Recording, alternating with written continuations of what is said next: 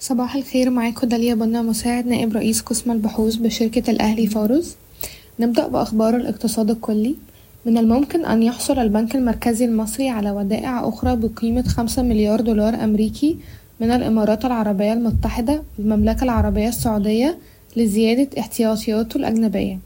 ومن المرجح أن يتم تحويل الأموال إلى استثمارات على مدى عدة سنوات. تطمح مصر إلى جذب استثمارات أجنبية مباشرة بقيمة خمسة وعشرين مليار دولار خلال خمس سنوات بهدف جذب استثمارات أجنبية بنحو اتناشر مليار دولار خلال العام المالي الحالي عشرين تلاتة وعشرين عشرين أربعة وعشرين. تريد مجموعة Xinxing Cathay International Group تقليص الاستثمار في مصنع الصلب في المنطقة الاقتصادية لقناة السويس حيث استثمرت مليار دولار أمريكي في مصنعين. ترغب الحكومة في تمديد الإعفاءات الجمركية المصممة لتشجيع المصريين على جلب الذهب إلى إلى البلاد لمدة ستة أشهر إضافية عندما ينتهي البرنامج الحالي في 11 نوفمبر. قالت مصادر إن الفترة المقبلة ستشهد اتفاقيات مبادلة ديون مع العديد من الجهات المقرضة لمصر بهدف تخفيف أعباء الدين الخارجي للحكومة على خطى اتفاقية مبادلة الديون الموقعة مع الصين.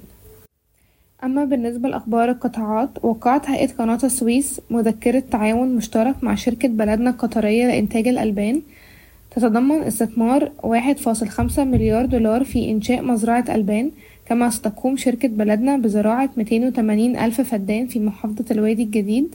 بلدنا هي تاني أكبر مساهم في شركة جهينة بحيث تبلغ خمستاشر في المية.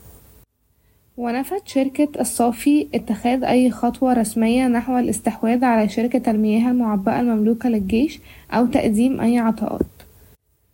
ويتوقع الرئيس التنفيذي لشركة الشرقية Eastern Company أن تتلاشى الفجوة بين العرض والطلب في سوق السجاير والتي تقترب من عشرة في المية خلال ثلاث أسابيع مدعومة بزيادة إنتاج الشركة ليصل إلى أكثر من مليار سيجارة أسبوعيا.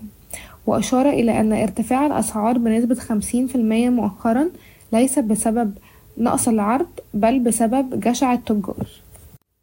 وفقا لوسائل الإعلام المحلية إن أدنى جروب هي أحد أعضاء تحالف آيكون الفائزة بصفقة المساهمة في رأس مال الفنادق التاريخية. وذكرت وسائل إعلام أنه من المتوقع أن تتم عملية الاستحواذ خلال أيام ووفقا لوسائل الإعلام أيضا قامت شركة آيكون بزيادة رأس مالها إلى عشرة مليار جنيه مصري بتمويل من أرصدتها الدائنة. وفقا لشركة جي إل إل وصل معدل إشغال الفنادق في القاهرة في أغسطس عشرين تلاتة وعشرين إلى تمانية وستين في المية ارتفاعا من واحد وستين في المية في أغسطس عشرين اتنين وعشرين. كشفت الشركة المصرية الدولية للصناعات الدوائية أنها لم تتلقى أي عرض رسمي من Mediterrania Capital للاستثمار فيها من خلال زيادة رأس المال. وتتوقع الشركة أن تتجاوز إيراداتها أربعة فاصل تمانية مليار جنيه مصري في سنة عشرين تلاتة وعشرين بما يتماشى مع تقديراتنا البالغة أربعة فاصل تسعة مليار جنيه بالتزامن مع خطة لخفض تكلفة الإنتاج. وتخطط الشركة لتصدير عشرين لخمسة وعشرين في المية من إنتاج مصنعها للبدائل الحيوية عندما يبدأ افتتاحه في النصف الأول من عام عشرين أربعة وعشرين. وقعت هيئة الإمارات للصناعات الدوائية عددا من بروتوكولات التعاون بين شركة المدينة الدوائية السعودية ومجموعة من الشركات المصرية. وتخطط الهيئة العامة للبترول لزيادة واردات النفط الخام بنسبة أربعين في المية بداية من العام المالي عشرين أربعة وعشرين عشرين خمسة وعشرين لخفض واردات المنتجات البترولية المكررة.